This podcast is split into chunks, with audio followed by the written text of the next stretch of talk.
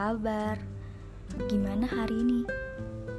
Sesuai dengan judul yang telah saya tuliskan hari ini, saya, perwakilan dari Happy Girl, yang kadangkala bisa berubah menjadi sad girl, akan membahas tentang makna dari arti kata memendam untuk diri sendiri.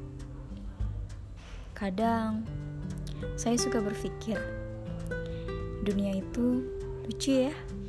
Saking lucunya, bahkan yang dicari hilang, yang dikejar lari sampai kita merasa lelah, ya akhirnya menyerah.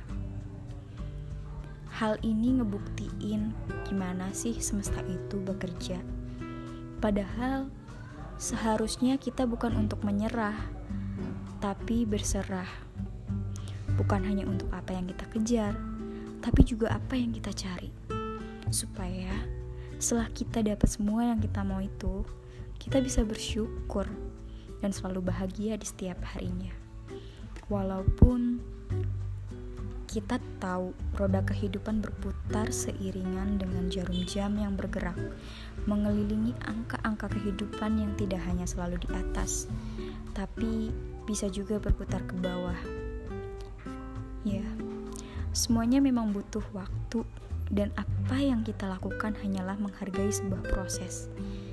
Karena itu adalah hal yang terbaik yang bisa kita lakukan. Hmm, menurut saya, sesulit apa pun jalannya, jangan pernah berpikir untuk menyerah. Karena kita nggak akan tahu apa yang sedang menantimu di ujung perjuanganmu nanti. Buat diri saya pribadi, pikiran negatif pun pasti akan selalu muncul. Dan jeleknya saya suka menyepelekan suatu masalah. Tapi dari situ saya belajar hal yang sepele bagi saya bisa berarti segalanya bagi orang lain. Jadi, ada baiknya ayo kita mulai menghargai perbedaan dari sudut pandang orang. Ini kata Bung Firsa Bersari.